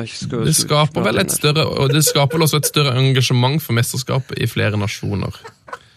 Eh, Det er en venn av meg som i utgangspunkt, eh, utgangspunkt gjorde meg oppmerksom på denne regelendringen, så hvis det blir aktuelt å ta med dette på lufta, eh, og anerkjennelse skal deles ut, så er det i utgangspunktet Jarle Solheim fra Husnes sitt hjertebarn, dette. Er det Husnes nabokommunen til Finnsnes? Eller kanskje ikke Finnsnes Nei, kommune? nei, absolutt ingenting med Nei, vi, er, ikke, vi er Lenvik kommune, så vi er ikke Finnsnes kommune. Det var Petter H. Sagafoss. Altså, ta Ja. vekk et lag fra VM og stille et slags all-star-lag med Slatan og Bentner og hva som helst. Du tar Nikki Dynamite som nummer to! Nydelig leveranse der. Jeg vet du digger han. Mats Møller Dæhlie og ikke sant? Fyr på Christian Eriksen. Ronaldinho. Få med han òg. Ja, men det, Han ble jo tatt ut. Laget hans er jo der. Ja, ja, men lell. Tenk, da, for, tenk, så, Francesco, Francesco Totti. tenk så vilt hvis liksom Ronaldinho og Totti slår Brasil eller Italia i finalen. Ja, men eh, altså, på topp. jeg, jeg synes det, er, det er et veldig festlig forslag, men det der er jo mer sånn romjulscup-variant. altså at man kan stille med sånn blanda lag. Eh, man skal ikke kødde med VM. Det er det samme som det, det de bruker å gjøre i Copa America når de inviterer et, et, et tilfeldig lag. De har jo brukt å ha Mexico er invitert nå neste Copa America, men det er ikke sikkert de kan være med, for de skal spille Gold Cup, deres egen sånn her store turnering. Eh, Kina har blitt invitert, men de har takka nei, for de skal spille VM-kvalik fram mot 2018 i samme periode. Japan bruker å bli invitert. Altså, det er useriøst. Kom igjen. Du kan ikke invitere liksom, et, et asiatisk lag inn i Copa America. Det, det var sånn her, Ja, nå skal vi ha europamesterskap i fotball, og i første kamp Argentina mot Sveits! Og Argentina Nei. vant eh, EM, Ja. selvfølgelig. Toppskårer i, toppskårer i EM eh, 2016, Lionel Messi. Fire mål. nei, jeg ser den. Men uh, Petter, dødsmorsomt forslag. Uh, men altså Det er noe for Fifa, kan- kanskje? Nei, det kan ikke Man kan ikke Altså Fifa-spillet. Fifa-spillet, ja. FIFA-spillet, ja. ja. Men man kan ikke gjøre det. det, det jeg er helt enig med Per, man kan ikke gjøre det. Men det er veldig veldig Man kan, godt tenke, kommet på. man kan tenke hardt på det rett før man skal legge seg, og så kan man drømme om det en hel natt. Og så kan man gå videre i livet sitt. Ny mail. Uh, vi har fått en e-post fra Mathias Rolfsnås. Uh, han skriver Rolfsen ja. Rolfsen. Fy fader, det er fint. ja vel. Uh, Mathias Rolfsen Aas der, altså. Hei, gutter! Hei, Mathias. Hei. Per, alle Mathias. si hei. Si hei. Hei. Hei. Jeg var på Rosenborg-Stabæk 16. mai, en kamp jeg vet dere også var på. Så dere utenfor stadion? Ja vel, hei. Hei, ja. Eh, Og Dag, da Rosenborg hadde sløst så mange sjanser at Stabæk istedenfor gikk opp til 1-2, og senere 1-3, så var det mange som forsvant fra stadion. Selv om man kan skjønne hvorfor, spør jeg likevel. Er det egentlig ok å dra fra fotballstadion før kampen er slutt? Uansett hvordan det går. Med vennlig hilsen Mathias Ralfsen Aas. Ja? Katix. tyks? Nja eh, Noen har jo selvfølgelig legitime årsaker til å dra. Det er den klassiske hvis du, hvis du er på en arena hvor du vet at eh, hvis du ikke kommer først til T-banen, så blir du stående i to timer. Eh, og hvis laget ditt leder 3-0 eller ligger under 3-0, så, og du vil gjerne hjem til dine barn som ligger og skal sove, eller den der varianten. Men den der exodusen når ditt lag ligger under 2-0 og det er ti minutter igjen, det er jo ikke helt ok. Nei. Det var vel faktisk Manchester United forrige sesong som hadde litt av de der, når det, de fikk en del dårlige United, resultat. ja, men United har slitt med det der i mange år. Til og med, til og med Ja. hvis de leder 4-0, så begynner folk å gå. Ja. For det er sånn, Ja. eh, Jeg tror det er noe med trafikken. I hvert fall det er veldig veldig mange som går fra United. Men det her, her var jo en, det her var jo en 16. mai-kamp, uh, så det er jo enda flere ting inne i bildet her. Uh, folk er full. Ja. Må på do, eksempel, eller begynner å bli så trøtt. Vi så jo en 50-åring som Lå og sov utenfor stadion! utenfor stadion. Kompisene sto og tenkte på hvordan de skulle Få han hjem, tror jeg. Ja, eller hvordan de skulle selge inn det til kona. At han var for full klokka Hva, Ja. hva var klokka? Åtte.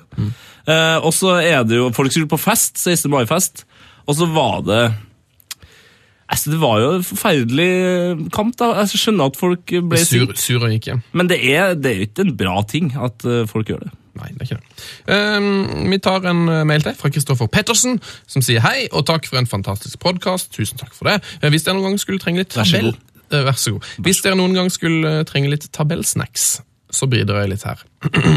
så har han lagt med en link, da. I den linken her så er det først rumensk tredjedivisjon i 83-84-sesongen. Er du opptatt av tabeller, Per Jarle?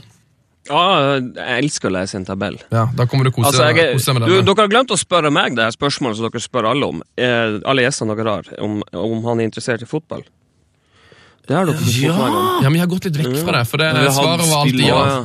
Ja, ja, men prøv, prøv å spørre meg, så skal du få høre. Ok, Vent litt, da. vent litt da. Spør det. Du, eh, Per Jale, hvor interessert er du i fotball på en skala fra 1 til 10? Jeg er ikke noe spesielt interessert i fotball, egentlig.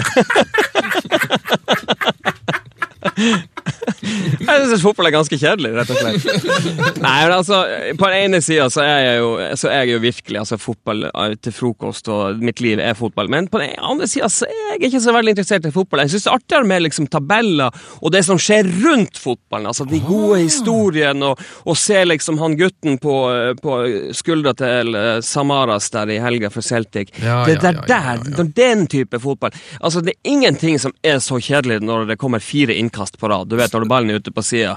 Da blir det helt sånn Så du er litt er eh, enig med, med forrige ukes gjest Mini, som sa at ni av ti fotballkamper er egentlig kjedelig?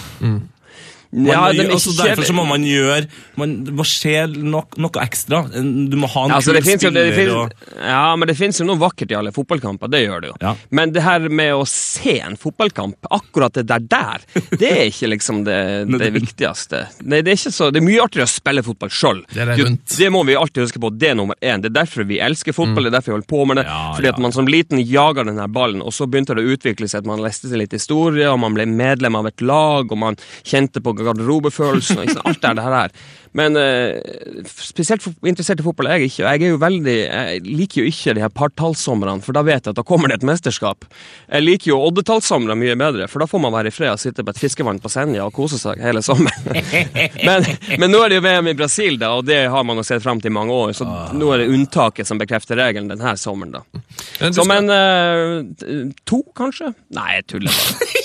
Mye, mye, mye mer. Et sted mellom to, sted mellom to og elleve. Ja. Ja. Du, eh, men du, du liker iallfall det rundt, og da skal du få en liten godbit her. Eh, For det jeg begynte på her, var jo altså en tabell fra rumensk tredjedivisjon Ja. i 83-84.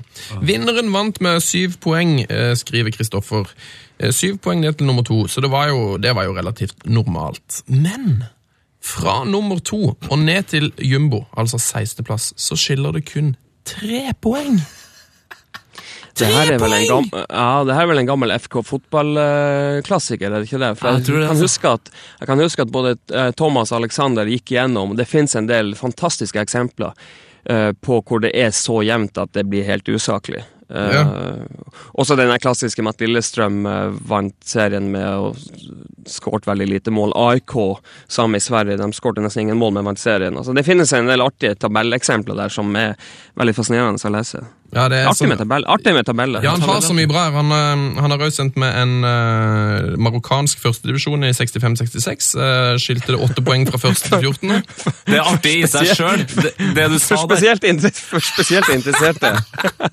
jo, her er første divisjon i Marokko 1965, for dem som husker det. Åtte poeng fra første til 14. plass. Så kan man Ja. jo ta med 2008-sesongen i Kasakhstan, der man måtte avgjøre ligavinner med straffekonk. Det er jo bra. Ja, ikke Aserbajdsjan, ikke Land of Fire. Nei. Nei da, Kasakhstan, Astana, Ja, Vinokurov, Ja, ja. Smirnov. Ja, I det hele tatt.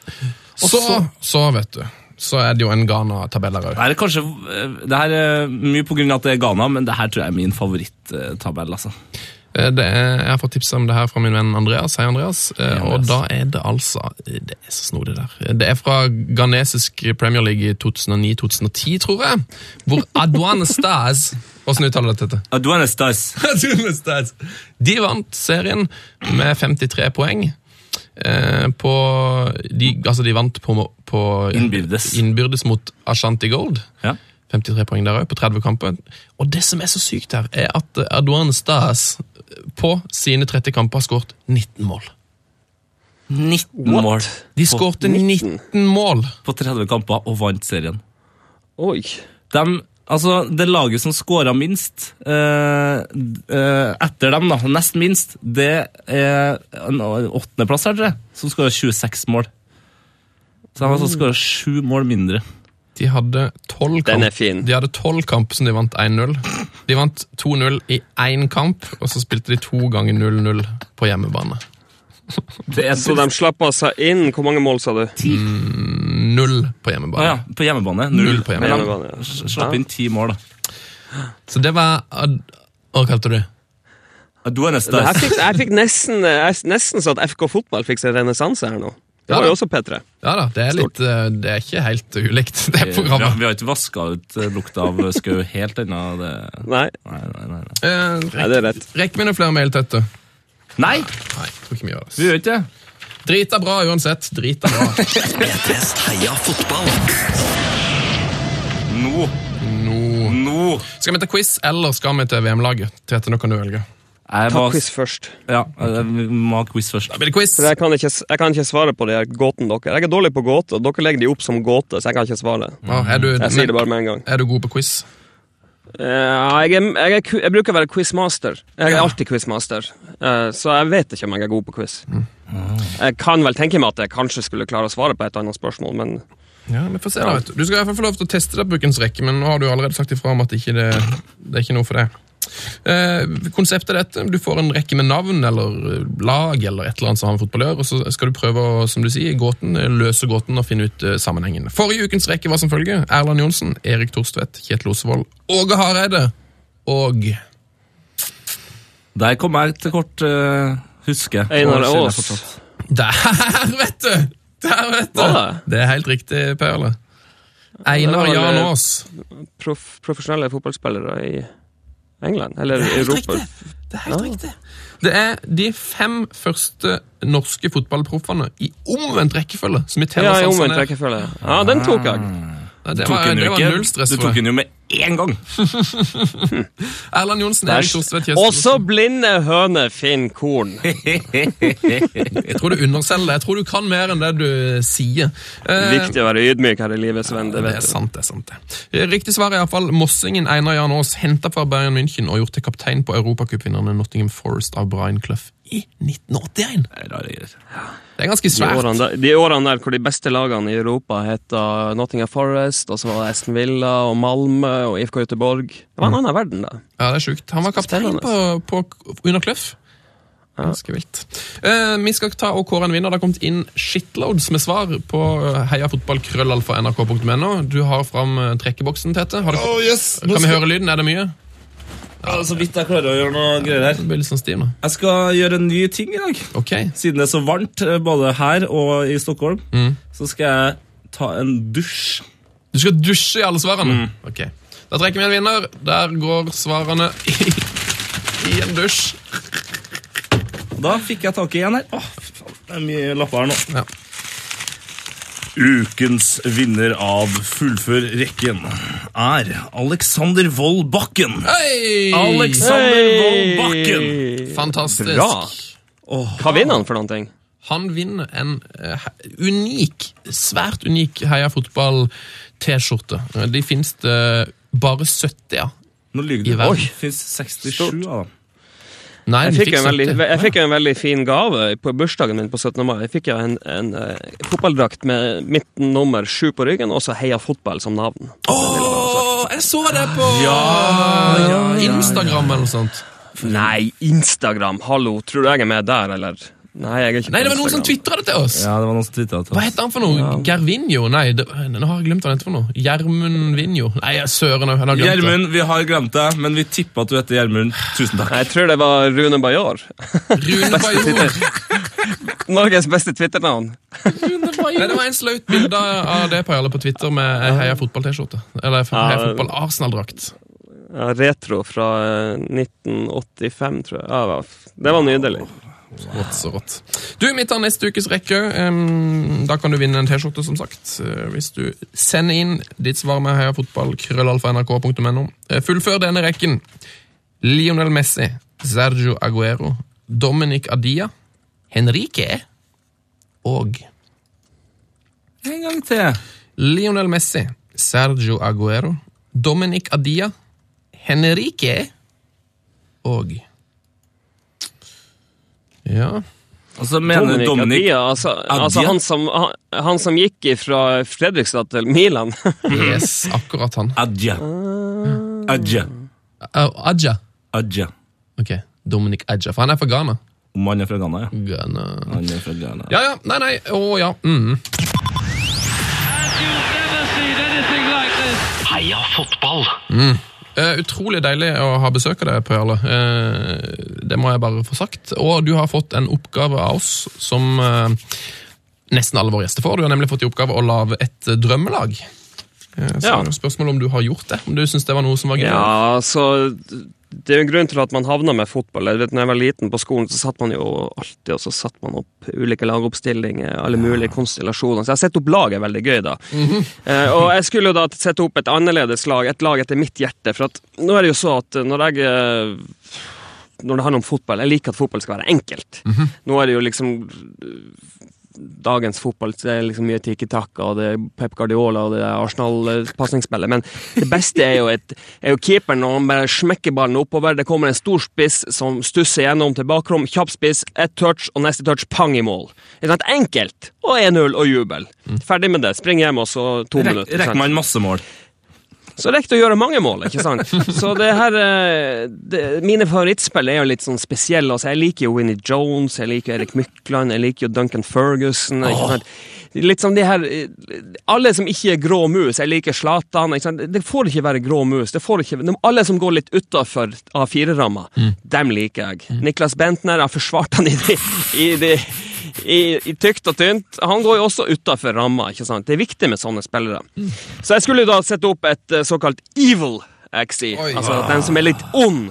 Litt ond. Altså ikke ond som i den type ond, men litt sånn fotballond. Litt sånn eh, ond med glimt i øyet-ond. Deilig. Så det ble min oppgave. Jeg måtte faktisk ta ut en hel tropp, for det er så mange å velge på.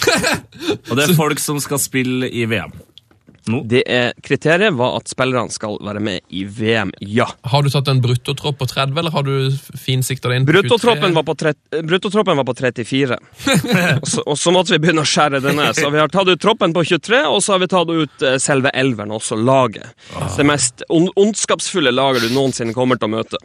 Derfor så skal vi, skal vi gå litt utafor boksen og gi den mannen her et underlag når han eh, Ja, eh, du har bedt om at eh, vi skulle ha klar en sang som heter The Imperial March til du skulle framføre Ja. laget ditt. Eh, du, du må bare si fra når du vil ha den. Er det noe mer som må sies før vi setter i gang? Det er bare å uh, press play on tape. Ok, vær så god. Keepere så tar vi selvfølgelig ut to. Vi behøver jo ikke tre. Hvem som skal ha tre keepere med et VM? Det er bare tull. Asmir Begovic han er fra Bosnia, spiller for Stoke og 1,98. Du hører sjøl, han er ganske ond. Tim Krul fra Nederland. Det sier seg sjøl. Forsvaret, Giorgio Chiellini. Han er ondskapen per definisjon. Pepe fra Portugal. Han er jo visekaptein på det her laget. Og selveste Il Nostro Capitano, lagkaptein, han er fra Sveits og heter Stefan Lichsteiner. Fra Colombia finner vi en 38-årig kjøttetende midtstopper fra Cali som heter Mario Jepes. Vi går videre til Alvaro Pereira fra Uruguay. Han er jo da tredjekaptein på laget. Han spiser korsbånd til kvelds, selv når laget hans leder 3-0. Vasilij Beresutskij fra Russland. Han er trist, for tvillingbror Aleksej er utelatt av troppen, så det kunne vært dobbel dose med ondskap fra Russland, men vi får nøye oss med Vasilij. Over på midtbanen, der er det mange å velge på, og vi tar først og fremst han som har et blikk som kan drepe, en evil trollmann, Jesus Navas fra Spania. Så går vi over i combat zone, og så henter vi tre soldater. Combat, Vi henter Daniele De Rossi fra Italia, Nigel de Jong fra Nederland og Gary Medelli fra Chile. Og også fra Colombia så skal vi hente en som er klin gæren, som i spenna gæren, og det er Juan Cuadrado. Eh, som for øvrig kommer til å koste 300 millioner nå. Soli Ali Montari fra Ghana skal du aldri snu ryggen til. Valon Berami fra Sveits han glefser akilleser som en rosa blogger tygger popkorn til Paradise Hotel. Sheikh TOT fra Elfenbenskysten, kommentar overflødig. Diego Perez fra Uruguay, den eneste i hele verden som får gult kort når han sover. Og så har vi med Reza. Reza Hahigi. Han er fra Iran. Han spiller for Persepolis i Teheran. Og så har vi med Mile Jedinak fra Australia. Han er midtbaneanker fra Crystal Palace og kaptein på Australia. Angrep. Det er tre av dem som sier seg sjøl. Wayne Rooney fra England. Etterslengens konge. Han er så ond å ha med å gjøre. Diego Costa fra Spania. Luis Suárez fra Uruguay. Og Yuchiro Kakitani fra Japan. Han er jo da en ninja. Eh, Bare så det er sagt. Han er selvfølgelig en ninja. Og så har vi én mann med på reservelista til stor glede for Sven Biskår Sundet, og det er Evil Kagawa. og trener for laget Trener for laget er selvfølgelig meg sjøl, men jeg har med meg som assistent treneren til Honduras, Luis Suárez, så klart. Og eh, for det her så må vi ta ut en baktung og evil 4-1-3-2 med Begovic mål, Lichsteiner høyreback, Pereira venstreback, Pepe og Kilini midtstoppere. Anker på midten, de Jong. Sentralt på midten, Medel, Perez, Tioté. Og så har vi Suárez og Costa på topp! Heia fotball! Herregud. Og de som ikke kom med, da, det er jo Sergio Ramos. Han er jo både pen og ond, som en deilig kombinasjon. Phil Jones, som eh, Han er også ond på sin sjarmerende måte. David Louise, når du er lik Sideshow Bob, så er du også ond. Eh, Stefan Mbia fra Kamerun og Paul Pogba fra Frankrike, de er ond å møte. Didier Socorro fra Elfenbenskysten, samme sak. Uh, Arturo Vidal, Matteo Debucci, Mario Balotelli og også da Teofilo Guterres, som var så ond at han ble faktisk sendt hjem fra denne troppen. Han fikk ikke komme med. Så det var Evil XE.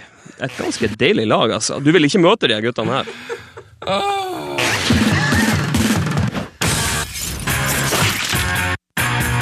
Heia fotballs glory hall. Det beste jeg har hørt. Jeg må bare ha en pause. Altså, Herregud. jeg må ha en is, han. ja. Men, mens dere tar pause, så kan jeg fortelle en liten artig anekdote. Jeg kjenner en av dem som skal trene et lag i VM. Åh, nei. Ja, nå er jeg fra Nord-Norge, så man overdriver jo selvfølgelig. Jeg kjenner han. Vi er bestekompiser. Nei, men jeg er på hils med Sabri Lamochi, som skal trene Elfenbenskysten. Fordi at han eh, kommenterte for eh, fransk Kanal Pluss eh, Serie A-kamper i mange år. Så jeg satt alltid attmed Sabri Lamochi. Han var sånn eh, ekspertkommentator. Så jeg prata ganske mye med Sabri Lamochi. Når, Eh, når, du, når skal du trene et eh, lag i VM? Ja, det blir vel det neste VM, da, når Elfenbenskysten ringer. For jeg tror ikke de er så nøye på hvem som trener. Det er jo, jeg tror det at det er Didier Drogba som er trener for det laget der, uansett. Ja. Det er han som bestemmer. Så Lamochi det her er vel omtrent hans første trenerjobb, så det er jo litt merkelig at han skal til VM. Men eh, jeg ønsker, jeg ønsker han hell og lykke. En god venn av Heggelund. Du, det er noe av det beste jeg har hørt uh, på radio på flere år. Dette laget ditt, før. Tusen takk. Det var helt konge. Uh, vi har ikke tid til å kjøpe is til dette. Vi må videre i Jeg Ja, vet, og det her, det her kan gå alle veier etter, Ja eh, etter, etter det her. Men altså, det er alltid når det, altså man, Folk hoppa etter Wirkola. De måtte jo bare gjøre det. Det ikke noe, ikke, ikke Ja. noe grunn til å stoppe opp. Ja, men greia at de, de hoppa ikke etter Wirkola etter at de også har flirt hodet av seg, liksom. Neida, neida. Men eh, jeg spilte av en kjenning her. Vi er altså kommet til en eh, fast post på vårt program, Heia Fotballs Glory Hall, der vi hyller våre, våre helter. Vi har hylla um, Arild Berg. Hvem flere vi hylla? Eh, Tete? Det er flere vi hylla? Eh, jeg sier alltid Battistuta. Ja. og, så, og så har vi hylt eh, selvfølgelig Maldini. Myggen, Ronaldinho. eh, Siggen, Siggen Rushfeldt. Ah, Siggen Rushfeldt, ja. Ah, ja, ja, det er ikke måte på. Sist uke var det Stefan Givars. Ja, ikke minst. Scholes var det forrige Og uke. jeg ønsker at dere skal hylle Duncan Ferguson i dag. Da hadde jeg blitt så glad. Men det gjør dere sikkert ikke. Eh, Hvilken, eh, hvis du skulle valgt et par spillere, bortsett fra Duncan, da, hvem er det som er din sånn store helte? Nei, vi skal jo hylle Tony Adams, så han skal vi jo hylle. Det er klart at vi skal Mm. gjøre det. Og så skal vi jo hylle um, Duncan Ferguson. og Duncan Ferguson. Eh, nei, men det Start nå med Duncan, så blir det bra. Det finnes ganske mange fine fotballspillere å velge på. Ja, jeg- i, I dag så har jeg valgt noe som er eh, Altså, man kan si at det er kjedelig. men Tom Høgli! Tom, Tom Høgli skal hylle. Ja, Pizza Ja. Høgli. Pizza Tom Høgli. Eh, Jeg har valgt eh, noe aktuelt. Jeg har valgt eh, noe aktuelt. Da setter vi oss tilbake, Per, Perle, og så gir vi ordet Yep. til Tete Lidbom. Legende, legende, legende. Løsmunna som vi er, slurver vi ut ordet hver dag. Om hvem som helst, og om hva som helst. Oh, legendetakling av Mexes! For en legende, ass! Og etter den sesongen her er Tony Pul Pulis så sykt legende, ass. Så du når han 15-åringen i Strømsgodset debuterte i Tippeligaen, eller? Faen meg legende, ass. Stopp! Pause. Stillhet. Pust inn, og pust ut. Nå skal du få hilse på en ekte legende. Noen spillere er først og fremst huska for å ha håva inn mesterskap, antall landskamper, eller for å ha good hair. Ukas gloryholder sjekker alle dem her lett. Men han vil først og fremst bli huska for å være en lojal gentleman, En kaptein som leda troppene sine med hjertet på ermet. Og for å ha verdens største lår. Ironisk nok ble El Tractor veid for lett når han i ung alder prøvespilte for Independiente. Det hørtes eh, sikkert sånn passe sånn her ut. Fritt fra Google Translate. Arrester meg gjerne. Men tilbake til vår mann, med en sveis strammere enn en Playmo-figur. Il Capitano, Javier Adelmar Sanetti. Jeg kunne ha snakka langt, varmt og lenge om dine 140 landskamper, 800 pluss kamper for Inter, eller at du har vunnet 16 trofeer der, annet en treble. Ja, altså. Du gikk jo også 12 år uten å få rødt kort. Jeg kunne ha snakka lenge om det, men jeg skal ikke. Du fortjener bedre. Du fortjener god plass. Velkommen inn i Heia Fotballs Glorial. Pupi. Du er en ekte Helt stille nå. Helt stille nå. Legende. Ja, det der er fint. ass. Det er sånn dere skal gjøre det. Det skal være med andakt og verdighet. Det her, er- for den, denne spalten er så fin. Det her er noe av det fineste som er servert på norsk radio på mange år. Denne spalten. Og når det blir Sanetti, og det blir på denne måten, så er det, det klasse. Jeg er, veldig takknemlig for at uh, Tete at du gjorde det her. Jeg kjenner, meg, jeg kjenner det det er helt sant, nå blir det en klisjé, men jeg kjenner det der er et verdig punktum for min egen del også, med mine elleve år i, med italiensk fotball. Det var deilig å få høre de ordene her. Nå kan jeg gå videre i livet. Nå er jeg frysninga. Jeg kan rett og slett gå videre i livet. Det her er altså en mann som var det første kjøpet til Massimo Moratti i Ikke 95. Det er, Han tok, han tok over kapteinspinnet fra Giuseppe Bergomi. han var den, var, var han den første ikke-italienske kapteinen? Det var et eller annet, der. Altså. Han, har, det, han har gjort Han- så mye. Han har vært en pioner på alt. Han Bestevennen hennes heter Ivan Zamorano. Han har Lothar Matteus som forbilde. Eh, han har en utrolig fin restaurant i Milano som alle må besøke, som heter Bottinero, som han driver i lag med Cordoba og Cambiasso. Cambiasso.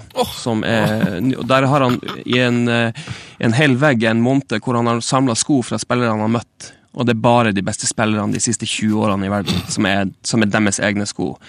Uh, Sanetti åh. Og han fikk ikke være med i VM 2006, for da skulle, skulle Lionel Scaloni være med, fant Pekermann ut. Og så fikk han heller ikke være med i VM i 2010, som er da de to største skandalene som jeg vet om. Mm. men Sanetti, wow. Det er jo sånn at Sanetti og Maldini får lov til å, å dele kapteinspinn i vår glory Deilig. For Det syns jeg, det jeg er helt rett. Per Jarle Heggelund, eh, Tete Lidbom, det har vært oh. deilig å tilbringe en drøy time med dere i fotballens Ja, navn. det her var fint. Altså. Avslutninga var fin. Altså. Nå, eh, jeg skal glede meg til å gå ut i sola nå og bare Heia fotball. smile. Ja, heia fotball. Heia fotball. Her kommer en av dem. Han heter Maikon. Han er nummer 13 på ryggen. Han går på skudd! Hjelp, for et mål! Gratulerer Juventus! Gratulerer Juventus! Det er over! Det er finito! Det er klart! Vi er färdiga! Det är nog den värsta jag sett! Pang! Det skuddet der er noe av sett. 4-2 til Inter. Heia fotball! P3s Heia fotball. Ny episode hver fredag. Last ned din nye favorittpodkast på p3.no podkast. P3.